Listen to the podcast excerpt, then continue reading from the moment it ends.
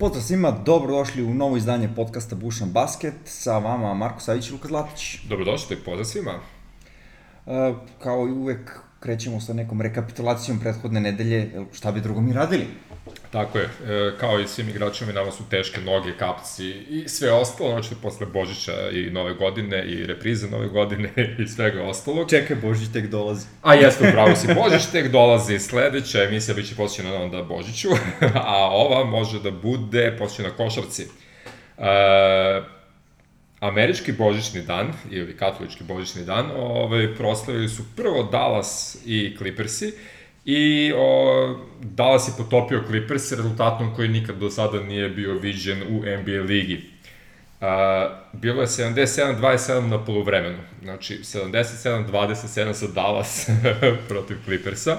Na kraju simpatični je 124-73 i bilo je nekih momenta kad ovaj, je izgledalo da Dallas ne može ništa da promaši, a da Clippersi izgledaju kao da su tek došli sa nekog banketa svečanog gde su se oždravali i popuno ih je mrzalo da trče. Uh, to je na kraju utakmice izjavio i PG-13, kao tek smo prosili Božić, brate, nismo mogli da igramo, šta je s vama, lopta je okrugla i da, da, tako. Da, ko to. ima dobar izgovor. Tako je, Nika Vaj nije igrao, ali svejedno onako jedan spektakularan početak. Koji apsolutno ne znači ništa vezano za preostalih 70 utakmica za obe ekipe, ali bilo interesantno stvarno gledati kako Dallas to potapa Clippers-e ovu cijelu utakmicu. Da, da. Mislim, iako smo viđali veće razlike na završetku utakmica, ovaj, kada ti vodiš na polovremenu sa 50 razlike, drugo polovreme potpuno nebitno šta će se desiti, znaš, ono, čak su i e, drugo polovreme Clippersi počeli sa 10-0 serijom da smanje vođstvo na 40 da. razlike. E, kako izgovoriš tu rečenicu, jasno ti da je sve u toj rečenici pogrešno. Ove, ESPN je pre, prenosio utakmicu i na polovremenu su oni odustali od toga da prenose utakmicu i generalno su pratili kad su već krenuli ostale utakmice tog dana, pratili su što se dešava na osnovnim terenima i bili su onako, brate, kao, ajde nagledamo o čemu to vodi. Um, Elem, Zatim imamo jedan zanimljiv trend, a to je da su Wizardsi do, ovaj, igrali bez Esuka, vodili 17 razlike na kraju treće četvrtine protiv Orlanda i izgledalo da će doći do neverovatne pobede. Međutim, onda je magija počela da radi svoje i Orlando je oduvao Wizards 40-19 uz 26 pojena Markela Fulca, našeg omiljenog reclamation projekta za ovu godinu doživali smo, opet za Christmas Day, zanimljivo prvi poraz Neca, koje smo ovaj, par sati pre toga u prethodnom podcastu hvalili kako je to izgledalo ok kad im nije teško i onda je očigledno bilo teško zato što je Gordon Hayward odlučio da dominira sa 28 pojena, 6 okova, 7 asistencija što generalno smatramo da će Hayward i ponavljati u toku ove sezone kao najzreliji i najbolji košarkaš u Šalutu. I najskuplji. I najskuplji, ikad. Ove, ovaj, ali da će baš Hornets da pobede Netsa prvi put, 106-104, to mi je bilo onako neočekivano. E, imali smo derbi istoka, Indiana je povedila Boston 108-107, ovog puta za razliku od trojke o tablu protiv Milwaukee-a, Tatum je promašio šut za pobedu, mogli su da igraju na dvojku, mogli su generalno da odigraju pametnije čitav posle minuta, ali su odigrali onako kao što im se dešavalo i prošle godine u play-offu, to jest ove godine u play-offu. Dobro, to je okej, okay, vežbaju za play-off. Vežbaju za play-off, tako je. Pa ja se sećam davnih dana kada je Dule Brošević svaku četvrtinu koju Partizan ovaj, završava, tero ljude da ako treba da naprave faul, samo da bi imali posljednji napad, da bi imali poslednji šut ovaj, u četvrtini kako bi se učili kako daju koš u crunch time-u. Ne se baš koliko je taj eksperiment na kraju bio uspešan, ako prilično može se reći, ako se ovaj, kaže da su svašta osvojili, ko što kaže Partizanova u tom periodu. Da li je Brad Stevens kupio fore od Dugota Vujoševića ili nešto drugo u pitanju, ne znam, ali je interesantan trend, jer na kraju ove nedelje Boston je recimo završio sa 3-3 uh, i imaju koš razliku plus 1,8, znači sve im je u 2 poena. Tako da... da... Interesantno, vidi, ako se ispostavi da Brad Stevens gepekuje ljude, onda ovaj, verovatno je to to, verovatno to ta. Sudije, sudije su malo zaštićenije ovaj, u NBA ligi nego kod nas, na, na divljem zapadu, a, ali vremena se menjaju, ništa nije nemoguće. Da, da se vratimo na malo ozbiljniju stranu Bostona. Um, ono što je interesantno je da uglavnom se prave akcije za Tatuma da, da, da, da šutira poslednji, uh, ali ono što meni deluje trenutno, i ono nešto što u suštini trebalo da bude, samo što, eto, Jalen Brown nije baš napredovao toliko koliko se očekivalo, tačnije nije napredovao brzo kao što je napredovao Tatum, ali deluje da, da, da se vide naznake da je Jalen Brown ipak bolji skorer od Tatuma, dok je Tatum ipak možda kompletni igrač trenutno, ali je fora da Jalen Brown ima još mnogo mesta za razvoj. E, ne znam, ne znam, e, kad ti sad trenutno pogledaš ovaj tim Bostona, kao i svi ostali navijači, svako će ti na prvu loptu reći Tatum je prvi igrač Bostona. I u suštini, na oko, ti ne grešiš. Uh, deluje mi da, da bi to trebalo više da bude neka preraspodela, ono, 1A, 1B igrač, i to čak možda u korist Jelena Browna. Pa, ne mogu reći da se ne žele sa, sa tobom, bar kako funkcioniše ova sezona za sada. E, čini mi se da o, ono što sam gledao Boston ovih šest utakmica, da Jalen lakše postiže poene i generalno Jalen bolje obrambeni igrač nego Tatum, mada su tu nijanse u pitanju, ali je fakt da je Tatum bolji u prenosu lopte i organizaciji napada za ostale i to ono što ga čini boljim igračem, ali mislim da su onako vrlo bar-bar i definitivno bi trebalo Jalen da ima još veću ulogu u napadu nego što ima trenutno, samo je opet pitanje da li on ima snage za celu sezonu da igra odbranu kako igra, plus da bude toliko potentan u napadu. Tako da to ćemo videti. Da. Viđe ono što da. ono što Bostonu sigurno treba, a za sada nema je treći igrač ovaj iza njih dvojice, bukvalno se svi ostali smenjuju kako ko krene da igra. Mislim, čak je i Peyton Pritchard možda naj bolje odigrao i najkonstantnije minute koje ima ovih šest utakmica, ali da. Da, da, interesantno je da, da, da čak i Robert Williams treći dobija minute, što je nama ovako specijalno drago, jel? Ja, jes. Zato što Tajs, mislim, ali to će se zaustaviti u nekom truku, zašto Tajs dosta igra na četvorci i zbog toga se nalaze ti minuti za Roberta Williamsa, a on ih koristi i meni deluje da je, da je Robert Williams uh, najbolji centar od trenutne ponude u Bostonu koji se uklapa sa ovim timom. Pa nije nemoguće. Ja isto mislim da od Time Lorda može svašta dobro da se očekuje i neka postava gde je on prvi centar, a Tristan Thompson zapravo igra tog nekog backupa, bi vrlo lako mogla da se iskristališe kao prava postava za, da kažemo, neki drugi deo sezone.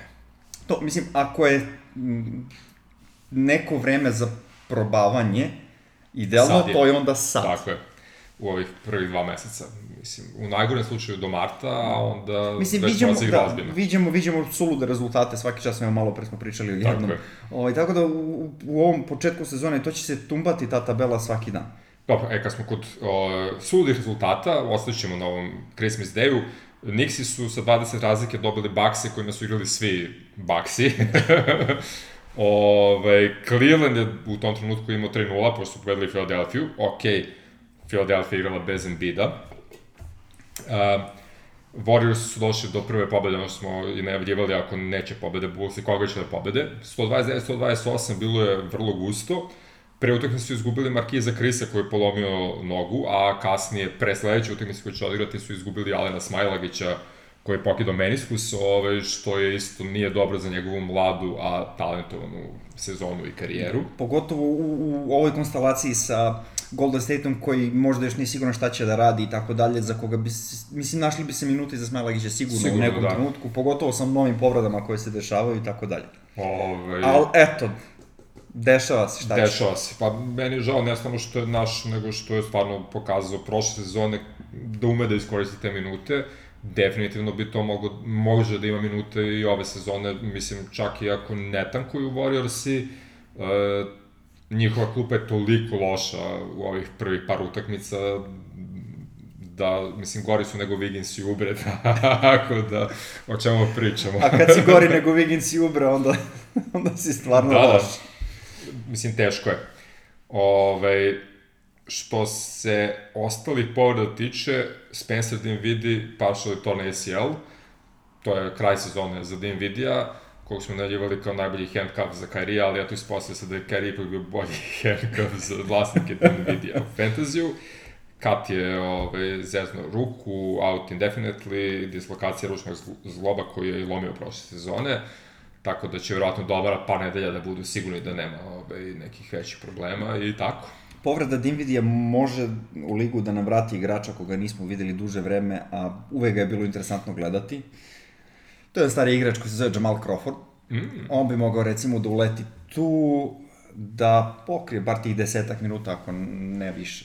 Pa dobro, nije nemoguće. Ako ima snage, što da ne, kvalitet postoji, mislim, talent je večan, a godine su prolazne ili tako nešto. Ok, to je bio taj prvi dan. E, drugi dan, imali smo jednu rane gane utakmicu, mm, što je nešto zašto mislim da će Atlanta da se specializuje ove godine.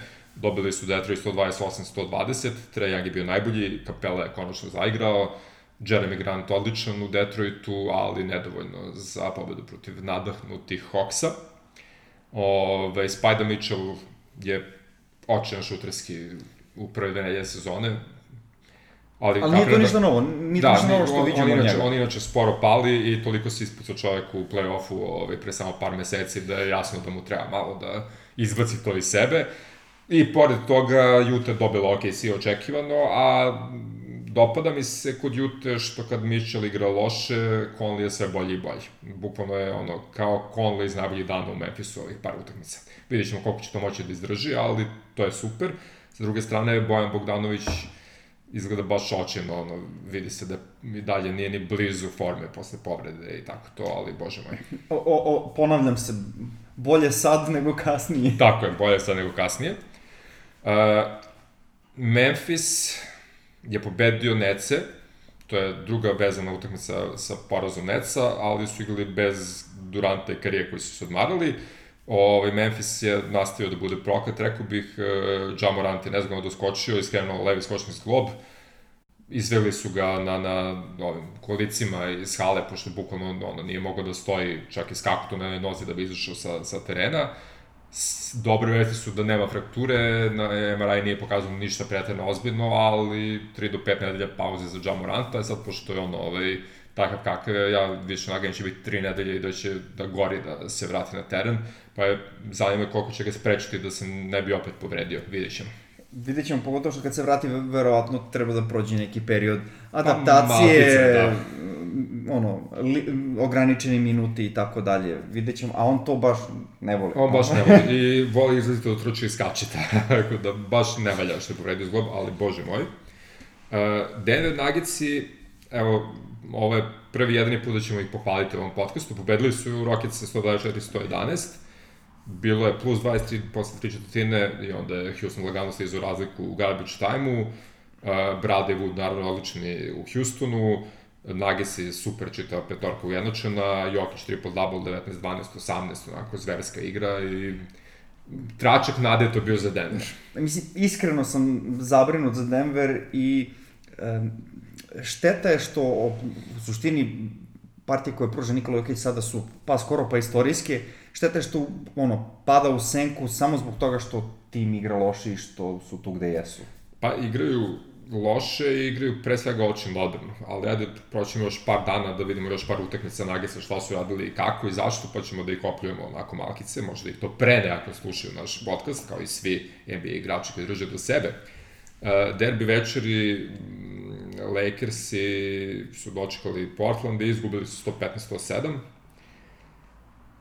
31-22 u četvrti četvrtini za Blazers-e. Gary Trent Jr., koji i dalje nema novi ugovor, ali vali će ga imati, je vezu 11 poena, prvo dvojka, pa onda tri vezane trojke, za ukupnih 28 poena, uh, što je da kažemo, dalo Blazersima bitnu prednost. Lakers su pokušavali na individualni kvalitet da stignu to, Blazers su igrali više timski i CJ McCollum i Dame su na kraju pogledali po trojku kad je trebalo i eto, jedna fina pobeda za da, Portland. Mislim, šta god ljudi pričali i mislili, ekipa Lakersa jednostavno nije kontender bez jakog Davisa. Tako je, Davis ima samo 13 pojena, Schroeder je odigrao standardno dobro sa 24, Lebron je Ako ništa drugo, ali... bar ne u, u, u, trenutnom vremenu. Tako je.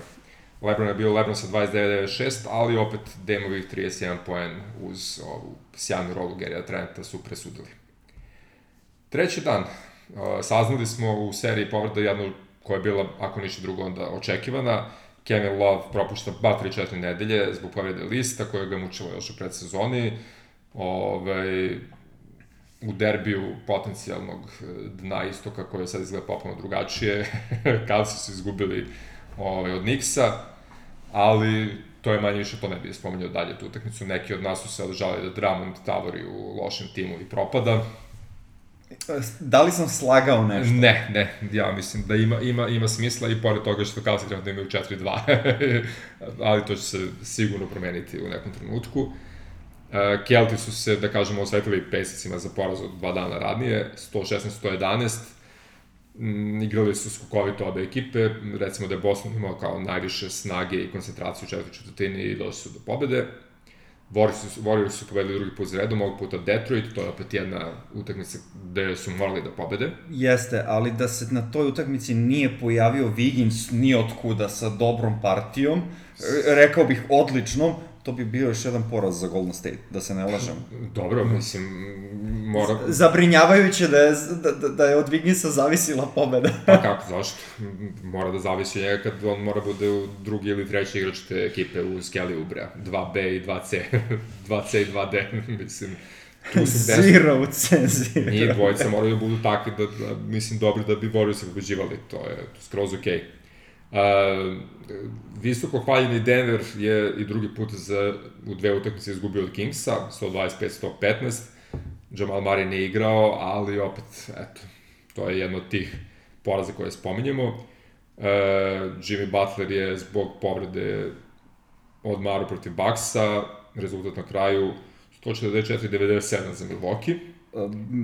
Bilo je plus 20 već posle četvrtine. Da, jako nezgodna utakmica u smislu uh, praćenja videli smo jedan rekord u trojkama i to od ekipe iz Milvokija, ni manje ni više, gde samo Janis nije šutnuo trojku. Tako je. Ne šutnuo, šutnuo jeste, nije pogodio. Uh, Od 13 igrača Milvokija koji su igrali, svi su dali trojku osim Janisa i ukupno su imali 29 trojke na kraju utakmice, što je novi NBA rekord za ono, da, broj trojke. DJ Wilson je bio najgori trojkaš posle Janisa koji ima 0-2, DJ Wilson imao 1 od 4, a za njega je i to uspeh. Ostali su bukvalno divljali. Mislim, bio Jimmy tu ili ne, ovo utakmica bi se isto završila sa, sa kad su tako nameštene nišanske sprave, ti tu ne možeš ništa.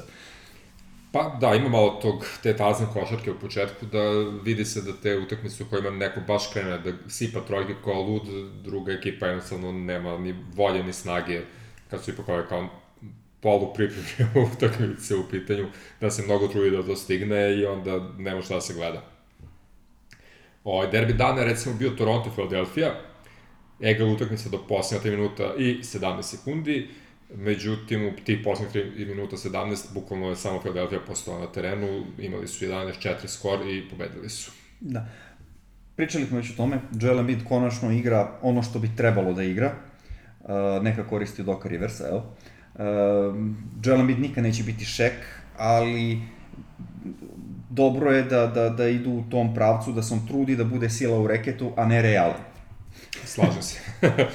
Da. Generalno, nije to samo do Doka Malkice i do toga kako je sastavljena ekipa. A, definitivno ono smo pričali i prošli preprošli put, Filadelfija ima petorku koja je košarkaška petorka, gde svaki igrač zna šta radi u svrsi igranja normalne košarke i, i pobeđivanja, mislim. I, i još jedna stavka, ono, Seth Curry, Josh Richardson. Da, Seth Curry, Josh Richardson, Seth Curry koji igra najbolju sezonu u karijeri za sada. Koju smo predvideli. I, i, i, mislim, I mislim da neće posustati, neki misle da će da posustane, ja mislim da Zašto? sa Simonsom i da, sa Embiidom u, u sebe na terenu nema razlog da igra slabije od ovoga. Mislim. Tako, on je, on je bukvalno tu najkomplementarniji i imaće toliko otvorenih šuteva da je to nestvarno. Bukvalno, sigurno će imati neke dane kad ga ne ide, ali ono, kad se to sve uproseči, mislim da će imati baš, baš vrhunsku sezonu. Što se Toronto tiče, Sijakam nikako da izađe iz babla. Da. Uh, Fred Van Vliet nije konstantan. Uh, Chris Boucher je možda i najbolji centar te ekipe, ali Nick Nurse mu ne veruje. I, Još uvek. Tako, tako ide, ide se u krug. Pa dobro, mislim, i oni će morati da slože kockice s obzirom na start koji imaju, ovaj, pa ako ih... Mislim, ja verujem u Nika Nrsa na kraju da će videti šta se dešava i verujem da će sjakan Malkica da ovaj, prezopće to što ga muči, ali doći ćemo i do toga u jednom ovaj, trendu koji sam ostavio za sam kraj priče. Idemo na dan 4. O, nakon što su demolirali Miami, Bucksi su izgubili od istog tog Miami 119-108. E, mnogo zanimljiva utakmica. Janis je bio ok, 26-13-10, ali mislim da ga prvi put u sezoni niko sa igrača nije ispratio, ni Drew, ni Middleton, jednostavno nisu imali drugog igrača. Sa druge strane, Adebayo je bio odličan, ali su odlični bili Tyler Hero i Goran Dragić. I Bucksi su recimo bili bolji dobar deo prvog polovremena, a onda jednostavno Miami krenuo da diže intenzitet, e, preokreće utakmicu i na kraju možda je lakše nego što je izgledalo posle tipa 3 četvrtine došao do pobede. Ba da, mislim, kao što smo mogli da očekujemo, uh, onaj procenat za 3 pojena je bio potpuno neodrživ. Bio bi neodrživ i za zlatnu generaciju Golden State-a, a ne za Milwaukee da. Bucks-e. Ili za, ili za petorku sasvim od Petra i Alena. ili tako da. nešto. Um, I onda dolazimo do sledeće stavke. Ok, trojke te ne idu, igrati malo više zavisi od uh, Bruka Lopeza, uh, a njegov decline se sve više i više vidi. Onako, golim okom, bez neke detaljnije i dublje analize, vidi se da jednostavno godine čine svoje. Tako je. I bar za sad to deluje kao problem. Pa može da bude. Naočito zato što njegova košarka koju Brook Lopez igra nije košarka koja dobro matori, mislim, Marga Sol igra košarku koju može da igra do 40 plus, a Brook Lopez baš i ne može, mada on čak i ne skače, mislim, samo se izloči, širi reket ne, ne, blokade su tu, trojke, blokade su tu i blokade pale, stavka. definitivno. Pa to je to, godine ne dozvoljavaju više. Ne može da, da skakući toliko. Znaš, trojke će biti tu, pa će biti, nije sporno. Da, bit će onaj motorac sa basketa, brate, koji stoji u uglu i ne može da promaši trojku. Ali džabu u NBA ligi to ne može baš toliko funkcioniše. Uh, derbi večeri, može se reći, budući derbi istoka, Brooklyn Nets i Atlanta Hawksi, bez produžetka su imali 145-141, znači skoro 300 poena bez produžetaka, suludo je koliko su bili raspoloženi u napadu i jedni i drugi, vrlo brza utakmica, vrlo brzi napadi, Uh, moglo je na obe strane što se kaže, Brooklyn je, da kažemo, bio za nijansu, za nijansu možda opušteniji, a samim tim precizniji u samom finišu. Mislim da je to zapravo i neko iskustvo ipak te ekipe u odnosu na Atlantu koje je do, dovelo do pobede. Uh, I naravno Joe Harris koji je uz gomilu trojke imao na kraju 23 poena, Durant i Kyrie naravno dobri. Uh, u Atlanti najbolji očekivano Trae Young i Collinsa po 30 poena. I Bogdan Bogdanović je odigrao najbolju utakmicu u dresu Hawksa sa 50% šuta i 22 poena, ali opet nedovoljno jeli, za pobedu nad Necima. U pa, da, opet vidimo da dolazimo od toga da pristup koji se zove hajde da ne igramo odbranu, iako se desi sa obe strane, e, to je nešto što uvek donosi najviše para ligi i tako dalje, tako bliže, zato što pršte poene i ljudi to vole i tako dalje.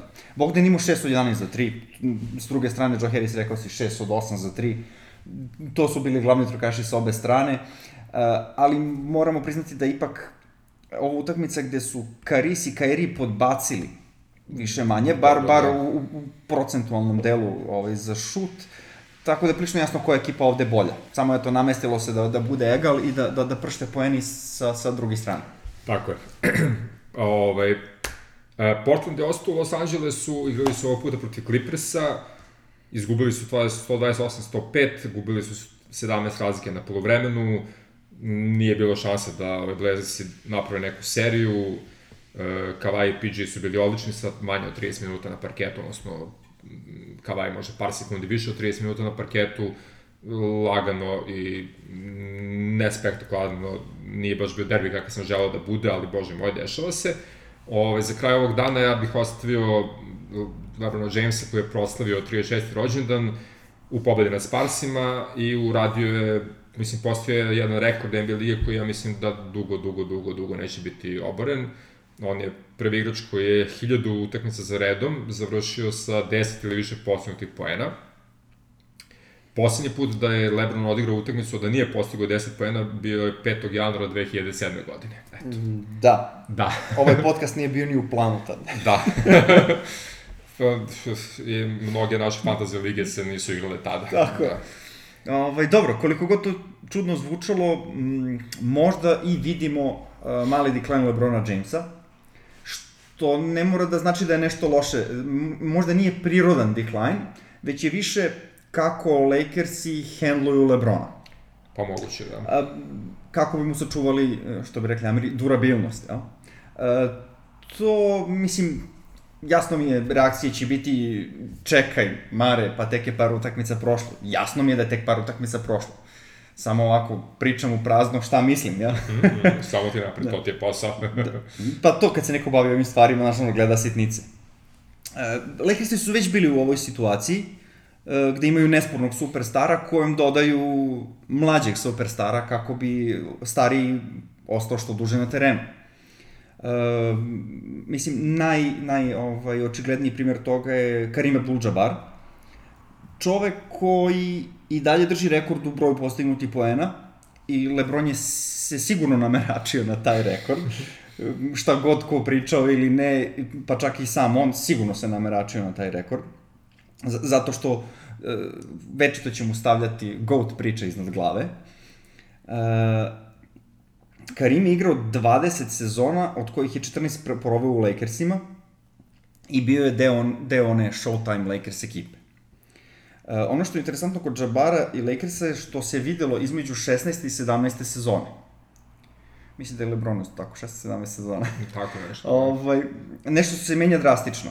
Od 23 plus poena po meču, Karim pada na 17 plus poena po meču u proseku, ali sa skoro pa identičnim procentima. Znači, samo je manje šutirao, manje vodio igru i tako dalje. E, prilično svesno su Lakersi uštrojili Jabara, kako bi Jabbar što duže igrao u tim poznim godinama. Tako je. Uh, kad pogledaš samo prisustvo za Jabara u ekipi, daje neki par, ajde da kažemo, specijalan boost ostalim igračima. Mislim, opet, znamo da je, da je, da je car tog prisustva u, u slačionici Jared Dudley. Ali opet, superstar je superstar, Tako obrni okreni. E, mislim, sama činjenica da Showtime Lakersi nisu osvojili ništa nakon što je Karim otišao, prilično sve govori. Ima smisla. E, da ne dodajemo so na rano sa time da smo svi videli ovaj, šta se dešavalo u bliskoj prošlosti sa KD-em, sa Klejem, sa Bugijem.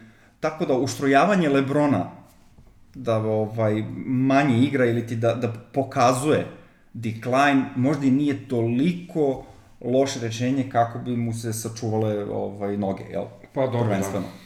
Ja se slažem. Mm, ok mi je da neko ko je već u godinama u ovoj sezoni za koju smo već rekli da je sezona gde stari igrači ne bi trebalo previše da se forsiraju, da bi izdržali do kraja. Jeste onako specifična. Vidjet ćemo sad, Lebron je opet pokazuje da koliko god da se ponosio svojim, svojom fizičkom spremom i parama koje ulaže u to po godini, spreman je na ustupke i da bude pametan što se tiče toga, u smislu da uh, ulaže u sebe da bi kasnije dobio nazad više i mislim da nije to nešto što Lakers rade bez dogovora sa njim i mislim da će to nastaviti tako i da je mudar potez znači ako budu imali rezultate koji im dozvoljavaju da se tako dalje ponašaju i prema Lebronu i prema Ediju na kraju krajeva. E, stigli smo do nove godine, odnosno novogodišnje noći. Imali smo gomilu beljih pobeda očekivanih timova. Mm, s jedne strane, možda je malo iznenađenje lagana pobeda Sansa nad Jutom, uprkos tome što je Rudy Gobert bio igrač utakmice i nadigrao je popuno Ejtona. Ostatak tima ipak bio mnogo bolji u Feniksu. I Sansi su generalno prijatno iznenađenje, mislim, očekivali smo da ne budu loši, da budu dobri, ali za sad izgledaju bolje nego što smo mislili. E, dešava se ono nešto suprotno nego što smo mislili. E, Deandre Ayton i Devin Booker nemaju one monstruozne sezone koje smo mislili da će imati. Sa druge strane, Sansi su prvi u ligi, sa skorom. Tako je. Na, što im je verovatno mnogo bitnije. da li to ima veze sa Chris Paulom, pa nešto bi moralo da ima veze i sa njim. Uh, kako će da nastave, to ćemo tek da vidimo. Vidjet ćemo, da. Uh, Filadelfija je od samog početka dominirala potencijalnom derbiju protiv Orlanda, kod Magica na kraju samo Vučević bio statistički dobar, kod Sixersa 20 pojena i Embiid i Toby Harris i Seth Curry, naravno. Neizvesne su cijele večeri bile dve utakmice, Chicago-Washington 133-130, još jedan triple-double za Vesa, još jedan poraz za Vizrace. Ovaj, I Kingsi koji, eto, nastavaju da se dobro drže na zapadu, što su duše radili prošle sezone dosta dugo, pa su na kraju baš isklupovali. Ovog puta su izgubili od Rocketsa 122-119. Imali su napad da odvedu utakmicu produžetak, nisu pogodili trojku iz dva pokušaja. Ono što je bitno za Houston je da su debitovali Bugi Kazic i John Wall. E, Bugi je vrlo jasno ovaj, trenutno backup Woodu, što apsolutno ne treba menjati, pošto Wood baš igra vrhunsku sezonu za sada. Ali vrlo pozitivno za Houston je što John Wall u prvoj utakmici je baš ličio na sebe od pre dve i po godine, recimo, i pre par povreda. Imao je 22 poena, 6 skokova, 9 asistencija za skoro 37 minuta u igri. Da, e, očekivali smo tako nešto. E, nismo očekivali da Kazins bukvalno ne dobije nikakve minute pored Vuda. Mislili smo da će igrati i zajedno. Od toga nema ništa za sad. E, slažem se da je možda ovo i dobar pristup da Bugi bukvalno bude backup za Vuda. Christian Wood je u suštini, ovako, mogao bih reći da je Christian Wood jeftinija verzija Davisa koju Houston sada ima. Definitivno. Uh, to sve funkcioniše. Ono što smo videli do sada ove nedelje, ekipa Houstona je možda jača nego ikad, pod uslovom da, da se Harden sredi u glavi, jel, sa svim tim... Uh, Hardenovanjima, da. Tako je. Mislim, do pre dve nedelje nije postojala ni jedna druga tema u NBA, sem da će Harden da bude tradovan, tako? To se još nije dogodilo i moglo bi biti milion razloga zašto se to još nije desilo, uh, jer ne može niko da mi kaže da ne postoji interesenti za to. Definitivno, većina timova bi verovatno volila da ima Bradu, mislim, jednog od najboljih pointera, skorera u istoriji lige u jednoj kratkoj sezoni, mislim, zašto ne. Samo je pitanje koliko ga platiti i koliko je on spreman da ove, igra ozbiljno tamo gde ode. Tako, mislim, to me dovodi do tog uh, prvog razloga i najbitnijeg je to da Houston sigurno traži previše za Hardena. Sigurno, pa moraju tako. Da, i to smo već pričali, prilično su sigurni u to i ne verujem da je iko spreman da, da, da plati to sve. Brooklyn je bio jedan od najzbiljnijih kandidata i tu se ništa nije desilo. E, sada kada se dividi poredio na celu sezonu, da li ih to stavlja u drugi položaj, mišljenja sam da ne. E, u trenutnoj konstelaciji svemira, kako to izgleda sve u NBA-u i kako su se ovaj, odvijele ove prve utakmice. Uh, šta znam, radije bih imao KD-a i Kyrie-a sa uh, jakom support ekipom nego KD-a, Kyrie-a i Hardena sa Zlatićem i Savićem u ekipi. Ma ako nam ponude dobre ugovore, ja nemam ništa protiv toga, tako da što da ne. Onda dolazimo do Sixersa, koji će uvek nekako biti u toj konverzaciji, zato što je Daryl Mori, jel? Mislim, svi znamo njegovu izjavu gde on rekao da je Harden bolji skorer od Michael Jordana, to ti već sve govori o, o, o, o toj ljubavi između Morila i Hardena, Morija i Hardena. Ove, ali čak i kada uzmemo to u obzir, um, ono, možemo da prepostavimo da je Mori ipak uh, kvalitetan GM i, i da ne bi dozvolio da se odrekne mladog all-star igrača. Mislim, lično ja nisam neki fan Bena Simonsa, ali je all-star igrač ima e, ispod 25 godina ili koliko, tako da um, glupo je odricati se toga. Tako da ne verujem da će biti išta ni od Filadelfije. Uh, Boston isto bio u kombinaciji, toga se ne bi ni doticao, tu, tu nema šta, mislim, Ainge nije glup. da, i neće dati Tatuma, a Apsolutno. Houston vjerojatno hteo da. samo Tatuma. Nebitno, ne, ne, što je fora? Uh, čak i da Houston hoće Jelena Browna, uh, ja ne vidim dobar fit između Tatuma i, i Hardena. Pa, da. Obojci treba lopta, znaš, o, opet dolaziš u priču gde, gde, gde si imao jednog Krisa Pola, razumeš, koji je uspeo nekako da se uklopi uz Hardena, ali generalno obojci treba lopta. Tako da, ako mene pitaš, deluje da Harden ostaje u Houstonu bez obzira na sve, ako ništa drugo, bar do trade deadline-a, Ovaj, a do ta će se verovatno iskristalisati e, sama ta ekipa i koji je plan te ekipe. Mislim, već su počele da pršti izjave od, od strane Hardena, da je Silas odradio dobar posao, da tačno zna šta da traži od igrača, gde da ih postavi i tako dalje. Silas je odgovorio na to, lepo je čuti od igrača da tvoj posao znači nešto i tako dalje. Tako da, Naravno, sve to može da bude Tako, marketing kako bi se... Izjave su izjave, ali tako su dobre izjave. Tako je. Sve to može da bude marketing kako bi se Hardenu digla cena, razumeš? Ali, ne znam, Harden bi trebalo da pruži šansu Houstonu, e, bar do tog trade deadline što sam spomenuo, i mišljenja sam da je to trenutno najbolje mesto za njega u celoj ligi da, da eventualno uradi nešto. E, Pa, znaš kako, hvalili smo nas dvojica off sezonu Houstona, kad se sve sabere oduzme, e, doveli su Vola za Westbrooka koji je možda bolji fit za igru sa Hardenom, odustali su od ultra small ball varijante, doveli su Vuda i Bugija, bukvalno da nisu izgubili Covingtona, rekao bih da su imali najbolju off sezonu od svih ekipa, mislim. Samo potpisivanje Kristijana Vuda je realno po, po, pobedetina kakvu ono, teško je prevideti, dalje mi nije jasno šta je tu Detroit radio, ali bože moj, to je sad već njihov problem. Ove, odlična off-sezona, Harden mislim da spoznaje da je to bila dobra sez- off-sezona i mislim da će moći da se uklopi, mislim, hteli da ga traduju ili ne, ovo mu je možda bolja šansa, kao što si ti rekao, nego prethodnih par godina, ovaj, da ima dobar tim sve dok se John Wall ne povredi opet. Mislim da su oni ono, Dark Horse contender sigurno, tako da vidjet ćemo. E, imali smo onda reprizu novogodišnje noći koja je bila jednako nespektakularna kao i novogodišnja noć. Imala je naravno svoje momente. E, desilo se konačno da više nema ni ekipe bez pobjeda, ni ekipe bez poraza. Vrlo zanimljivo, Detroit je prvu pobedu lupio skinuši, skinuši skalp Keltima sa, sa 96-93, znači samo 93 poena Bostona protiv Detroita. Igrali su bez Blakea Griffina koji ovaj, zbog potencijalnog potresa mozga pauzira utakmicu 2-3.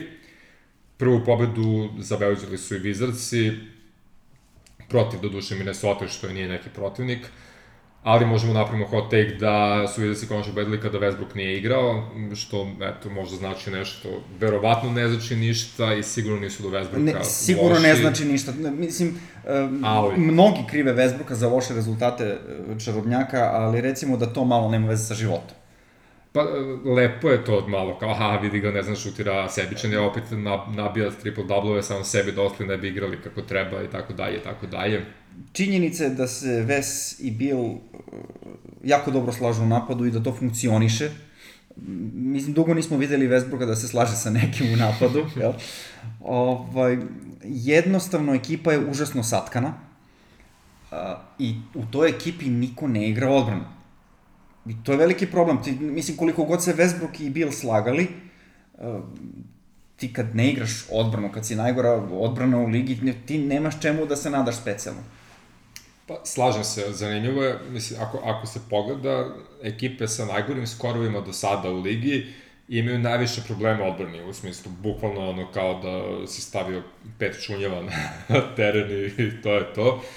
I čak i u ovoj, ono, još ovaj su igrao u NBA ligi, to jednostavno ne može da prođe, mislim. Mislim, Neka odbrana mora da, Da. da se igra. ni Bradley Bill nije poznat kao neki vrstni bajni defanzivac. Jasno. Um, onda imaju centra koji je isto više ofanzivno orijentisan nego defanzivno orijentisan. Koliko god nas dvojica volimo Tomasa Bryanta, on nije najdefanzivniji centar ikada. Uh, sa treće strane, verovatno ćemo tek videti koliko je problematičan ugovor Bertansu, koliko god je Bertans zaslužuje te pare i dobar igrač, ali uh, ne u ovoj ekipi ovako ne, ne treba im sad još neki kao skorer sa strane koji je na četvorci i koji ne igra odbranu pored centra, koji takođe ne igra odbranu. Ovaj, tako da to je veliki problem, šta će upravo uraditi sa time, ne znam. Da li će uopšte nešto raditi sa time, ne znam. Ali ne bih svaljivao krivicu na Vesbroka zato što je ekipa loše postavljena. Pa da, može tako se gleda. Uglavnom, da kažemo da su Westbrook, Bill i Thomas Bryant tu sigurni članovi petorke i tu ti bukvalno trebaju trojka četvorka koji će da igraju odbranu i pokrivaju sve potencijalne rupe, mislim. Da. I Vex, Ves koji se trudi u odbrani. ove, a onda sa klupe da ti ulaze sekundarni skoreri kao što su Betrans, Da. Hačimura, Avdija, evo ne znam. Pa jasno, ali o, u, u, u trenutnom ovaj, sastavu, tu su ti Avdija i Hačimura koga ubacuju u prvu postavu. Avdija je ruki, klinac, Hačimura isto nije daleko. Znaš, i Aha. onda n- nemaš ti tu baš neki kvalitet da budeš ne znam nija šta. Ali niko od njih ne igra neku specijalnu Problem- odbranu, znaš, i onda problem to, to je bušno sve. Problem Washingtona što ima dva superstara Westbrooka i Bila koji se onako prelaze lagano u svoje karijere, a ostatak ekipe im čine klinci koji će tek za 2, 3, 4 godine doći do svog vrhunca i bukvalno, da kažemo, taj raskol u ovaj, godinama e, ne može da pomogne Washingtonu da ove sledeće sezone budu kontenderi, jednostavno će im faliti iskustvo za klince, a kada do toga dođe odvojci će već možda previše dopadno što desko i kod bekova tako igra, tako to ide da, da. jače i, i brže. Tako da vidjet ćemo, uglavnom, ako se uguraju u ovaj playoff super, ali ne verujem da mogu bolje od toga, no rano je za to. A, Denver je ponovo izgubio, ovog puta u derbiju zapada od Phoenixa 106-103. E, Nuggets su igrali bez e, Michael Portera juniora koji je u protokolu za COVID kao contact tracking, tracing, kako god, e, znači ne mora da se desi da je zaražen, ali neko s kim je bio u kontaktu verovatno jeste i mora da pauzira sigurno zbog karantina bar nedelju dana. Ove, što je šteta zbog njegove odlične ofanzivne sezone, u smislu baš u napadu radi sve ono što smo njega očekivali da će raditi. U odbrani radi, radi ono ništa što- što, Ne, smo takođe očekivali od njega. Ove, u- uglavnom, posle tog poraza Nuggetsi su na dnu zapada s 1-4, Sansi su tom pobedom skočili na vrh lige sa skorom 5-1.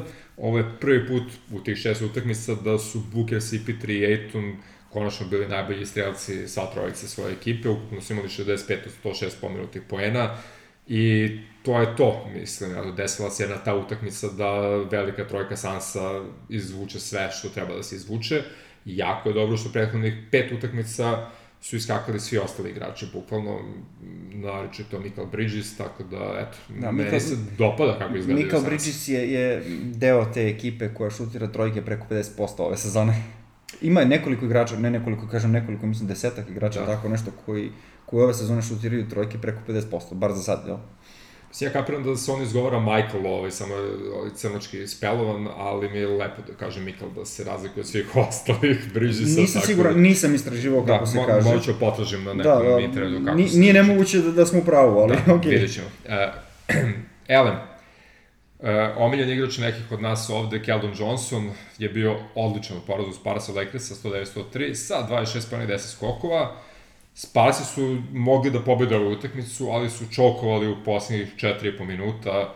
Ove, imali su prednost, ali su u poslednjih 4 minuta bukvalno postigli samo 3 poena, primili su 12 kao da su odigrali loš produžetak, mislim, tako je izgledao taj finiš utakmice i Lakers su pobedili. Ono što je pozitivno za Sparse, kako igraju, e, deluje dobro.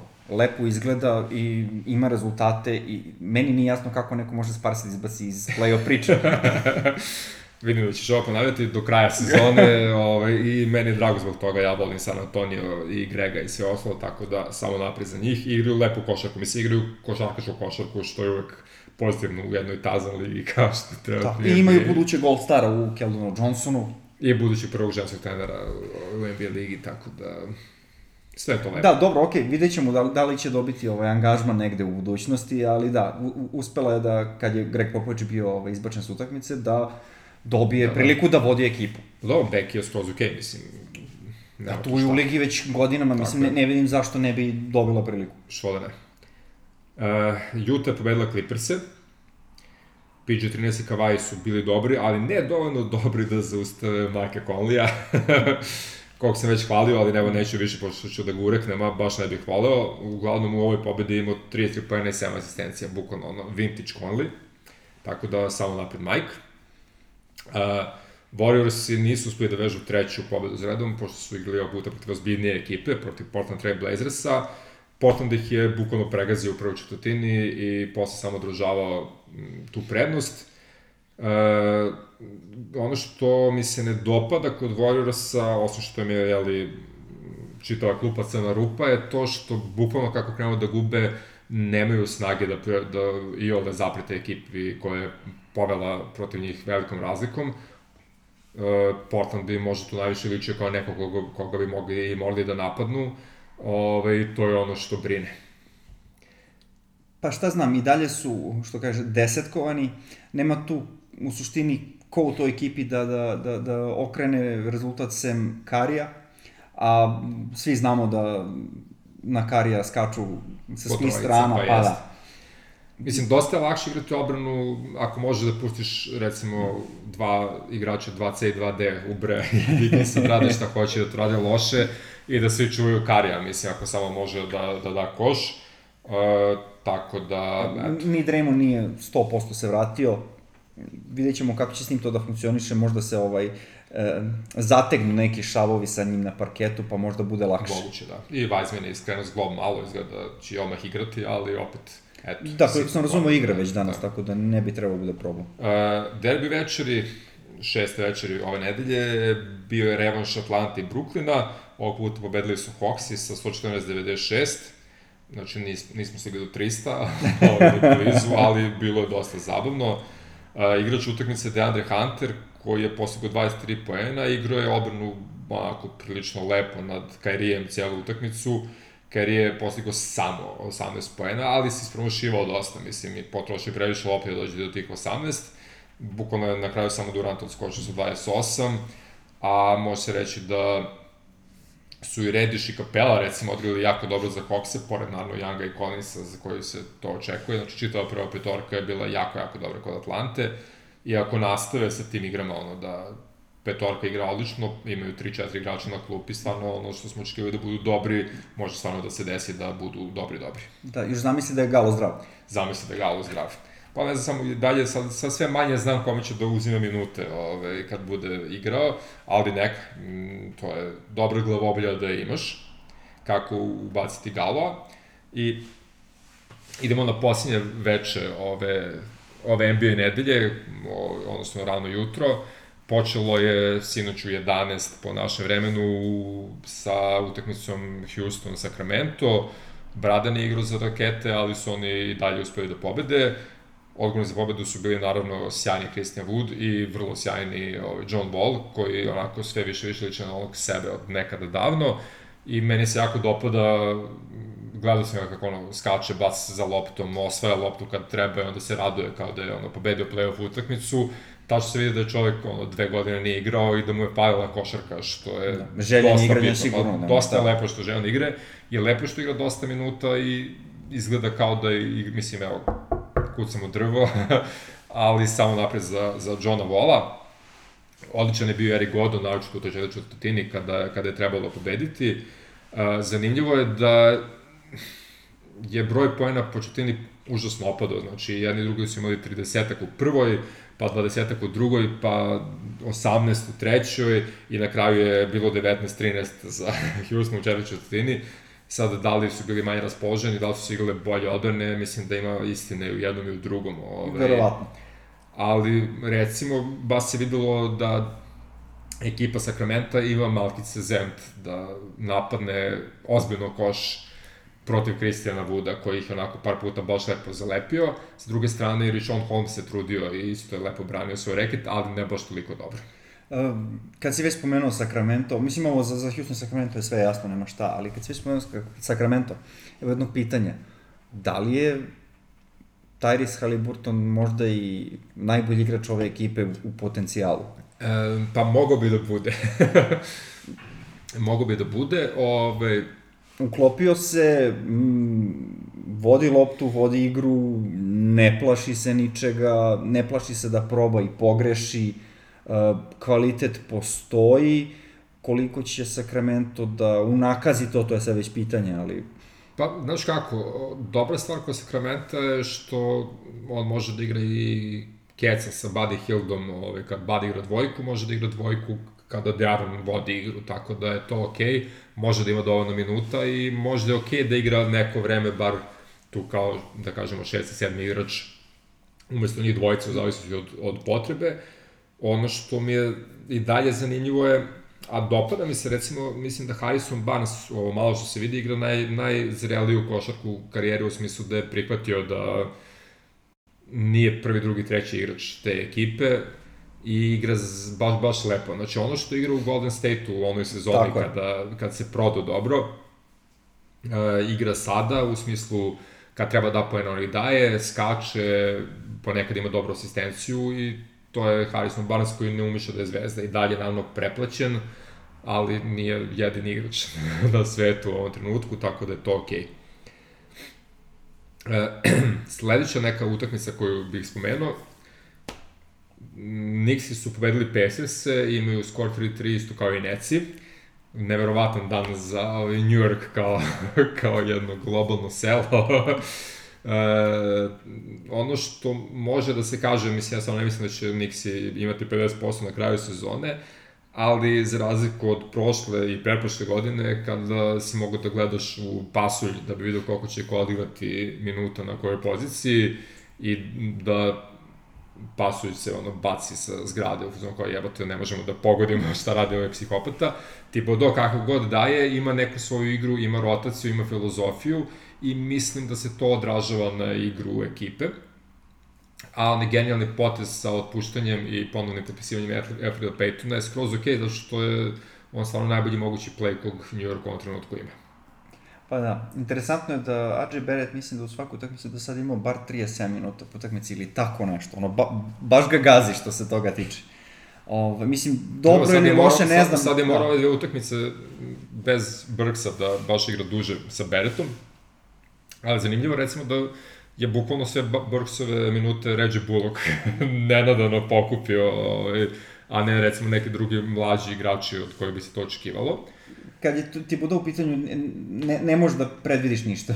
Pa dobro, mislim, vidit ćemo u nekom trenutku neku sigurnu petorku koja vam voli i koja će se igrati 35 plus minuta i to je to. I za sada mislim da se to nekako iskristalisalo. Najveći problem će imati Mitchell Robinson kad napravi pet ličnih za 15 minuta, što mu se par puta nije desilo i već igra mnogo više od Noela koji ne dobija onu priliku koju se sigurno nadao da će dobijati. Mislim, kapiram da je Nernes baš bio uzmano da će da deli minute sa Robinsonom, ali Thibodeau to naravno ne dozvoljava i bukvalno je samo pitanje koliko će Mitchell da napravi ovaj, faulova i od toga zavise Noelovi minuti. Uh, OKC Thunder, timska igra pobeda protiv Orlanda, to je onako jedna lepa pobeda. Mm, ja gotivim ovaj, mislim, opet gotivim dosta igrača iz OKC-a. Neki sam progotivio u bablu, ovaj, neki sam već gotivio. Uh, od Shia Gilgjusa, Aleksandra očekujem mnogo, Horforda gotivim čitavu njegovu karijeru, Dort ima super ime i dobar je, Darius Bezli, Darius Bezli, tako da oni su mi onako Dark Horse svih Dark Horse-ova, samo ne verujem da će duđu u neki playoff ili tako nešto, ali bit će mi baš drago svaki put kad ovako uzmu skalp nekoj ekipi i kad dođe do simpatične pobede. Tako je, pogotovo kad u, u sve to ubaciš da, da u toj ekipi igra i Aleksej Pokuševski koji je naše gore list. Tako je. Da, znaš, ono, ne, ne možda ne voliš tu ekipu. Tako je. Ove, pored Sansa, 5-1 na kraju ove nedelje imaju i Philadelphia 76ers i oni su tukli ove, raspoloženog Terija Roziera, standardno dobro Haywarda i katastrofalnog Devontu Grahama koji je šutirao tipa 1 od 10 iz igre ili tako nešto. Ali okej, mislim, može za očekivati da je Philadelphia pobedi Charlotte, to su radili i sad su na deo bi prvog mesta u ligi sa Phoenix Sunsima, što je sasvim okej, okay, već smo hvalili u ovom podcastu Sixers, tako da nećemo dalje. Uh, pored Denver Nuggetsa, malo me brinu recimo i Toronto Raptorsi sa svojim igrama. Uh, i oni spadaju u one ekipe koje sam malo prespomenuo da su najgori u ligi zato što igraju katastrofalnu odbranu. Znači, Reptusi, pored svega što smo već spomenuli u ovom podcastu, su užasno loši odbrani i bukvalno se vidi da ne znaju ljudi ko gde treba da stoji kada. Plus imaju taj problem sa, ovaj, s jakom ovim mentalnim stanjem koje je očigledno ga prati iz babla, jer ovaj, pre dve utakmice, u onom gustom porazu, Sjaka je napravio šest ličnih i posle šest lične nije odnosio da bodri ekipu do kraja i tako nešto, nego otišao istuširao se i zapalio gajbi. Ove, pošto nije Michael Jordan, LeBron James ili tako nešto, refri su odlučio da ga kazne i prošlu utakmicu je presedao na klupi ne ulazeći u igru, zato što je kažnjen. A Bio je, bio je u protokolu, samo da, da, da, da, samo nije ulazio u igru. A na ovoj utakmici je za 24 minuta u igri napravio šest ličnih, ove, može se tuširao kako treba, ali opet imamo šest ličnih, tako da očigledno je da e, Sjakam možda još uvek u glavi nije taj superstar koji bi morao da bude. Mislim, njegov igrački kvalitet je na mestu, ali morat će da malo sazri da bi se Toronto vratio u ono što očekujemo od njih, a to je ekipa koja bi morala ipak da uđe u playoff na istoku. Da, mislim, ajde što se te, te odbrane tiče, nema tu niko da igra odbranu kad pogledaš, mislim ima, ali recimo eto kad pogledaš bekovski tandem prve postave, to su no, Kyle Lowry i Fred Van Vliet, nije to neka defanzivna gromada od, Pa od, od bekovske linije, znaš. Ok, tu je OJ Anunoby koji je možda i najbolji defanzivac te ekipe. Uh, I onda imaš brdo tih nekih centara za koji ono, dele minutažu, ali nijedan od njih, sem možda Bušera, nije baš neki defanzivac, znaš. Ni, ni Alex Len, ni, ni, ni ovaj, Baines. Sve to okej, okay, ali nisu, ni, nisu čak ni, ni dovoljno jaki kao što je vremešni Marc Gasol, znaš. A naročito ne kao Gasol i Baka zajedno. Tako je. Znaš, tako da okay, ima smisla da su, da su defanzivno ovaj, kljoknuli, što bi se reklo. Treba naći rešenje. Koje će to biti, ne zna se. Ono, imaju više stvari da reše, počevši od Sijakama i te odbrane. Ne znam, pre sad više od dve godine on izgledao sam kao budala kad sam ovaj, mislio da, da je OG Anunoby next best thing za, za Toronto. Što bi se možda i desilo da mu se nije desila ona katastrofalna povreda koja ga ovaj, na celu sezonu sklonila sa parketa i te sezone je Pascal Sijakam izleteo tako je. u prvi plan. S, u trenutnoj konstelaciji sad već viđamo jednog OG Anunobija koji je bolji od Sijakama trenutno. Jednog OG Anunobija koji radi ono što smo rekli da će trebati da radi. Znači OG Anunobi treba postane novi Pascal Sijakam, Pascal Sijakam treba postane novi Kawhi Leonard za ovu ekipu i onda će to da, da funkcioniše. I sad OG nas je ispoštovao, ali Sijakam nije. Pa dobro, mislim, da. ima vremena za njega i njima i dalje treba i treća stvar, a to je da se Nick Nurse i Boucher nađu zajednički jezik, da kažemo, i da momak krene da igra i da pokazuje taj talent koji ima, mislim. Tako je. Zato što bi on mogu da bude, recimo, novi Christian Wood ove sezone, ako se sve poklopi kako treba, tako da... Ali okej, okay, ima još vremena, mm, par nedelja, recimo, pre nego što počne da paniče, ali definitivno, znači, uz Denver Nuggets, ovaj, Raptorsi su mi jedna od dve ekipe koje me najviše, da kažemo, brinu u dosadašnjem delu sezone. Ovaj, spomenuo bih i derbi istoka, gde su Cleveland Cavaliersi pobedili Atlanta Hawks 96-91, Colin Sexton je nadigrao Treja Younga, ovaj hot take, uh, Cavsi osvajaju istok, Sexton MVP, mislim, nema dalje.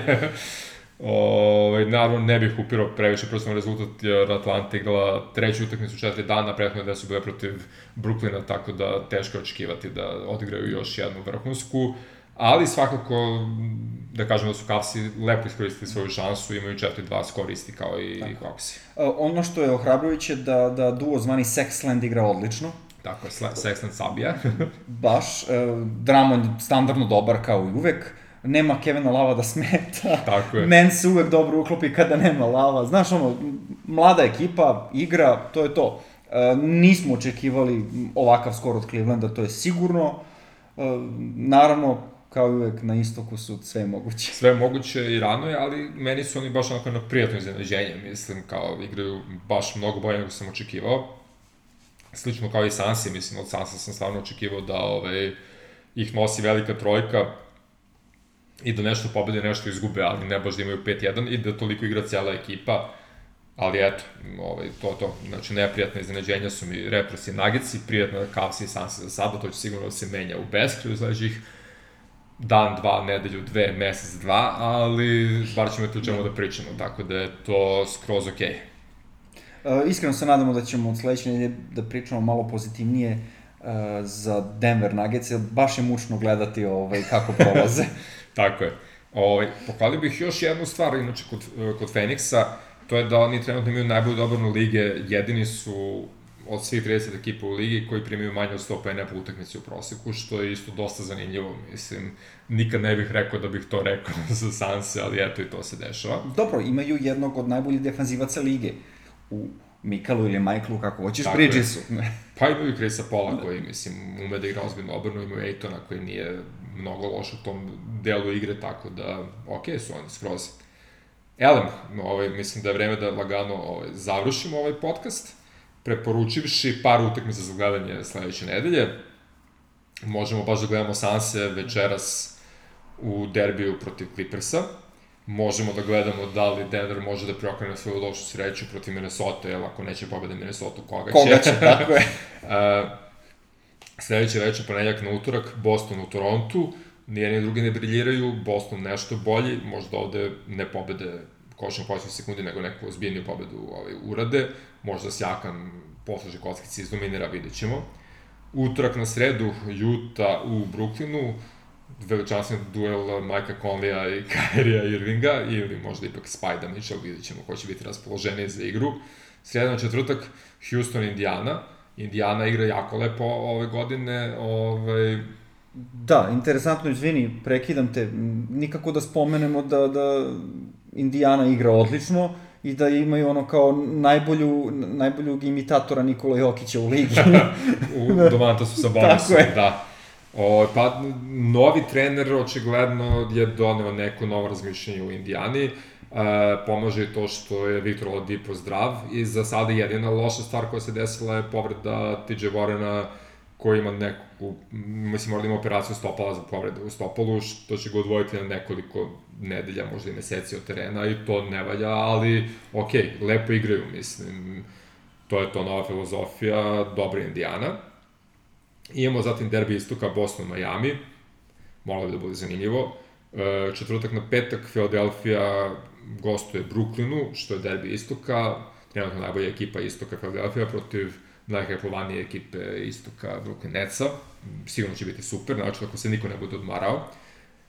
Petak na subotu, ja tu nešto baš pratim Utah ove nedelje, Utah gostuje Milwaukee, što da ne. Kako misliš ove nedelje? A da, upravo si čitavog života. Uu, idemo, Meloni Stockton za uvek. Ali okej, okay, lepa je turneja džezera po, po istoku, igraju sa dobrim ekipama i to vredi pratiti. I ovaj, veče subota na nedelju od 21 čas po našem vremenu, Denver gostuje Philadelphia, eto prilike da vidimo duel Titana Jokić protiv Embida. Da završimo nedelju tako od jednom vrhunskom utakmicom Denvera. Koja je u suštini, ono, u vremenu kada svim odgovara Kada da sa gledamo, ove tako strane je, tako Atlantika. Specijalno za nas su to namestili. Magovi, magovi promovisanja NBA lige, schedule makeri. I to je to što se mene tiče. Tako je, sve smo prošli što smo hteli, rekao bih. S obzirom da apsolutno ne znam da, da pozdravljam i reklamiram, prepustit ću taj deo tebi. E, pa ja bih pozdravio sve koji inače pozdravljamo i reklamiramo. To je ekipa iz ostatka sveta koji vrlo lepo pišu o stvarima o kojima mi ne pričamo, a i onima o kojima pričamo, zašto da ne. I naravno pozdravili smo ekipu Podcast RS na kojoj možete naći naš, a i sve ostale eminentne, bitne podcaste sa ovih prostora. Bravo Luka, znao sam da će ti to mnogo bolje od mene Ne znam kako, pa imao sam sreće nekako me krenula inspiracija. Uh, dragi slušalci, pozdrav, uživajte u NBA ligi još nedelju dana, a onda se slušamo ponovo. Sve što Luka rekao. Prijatno. Vidimo se.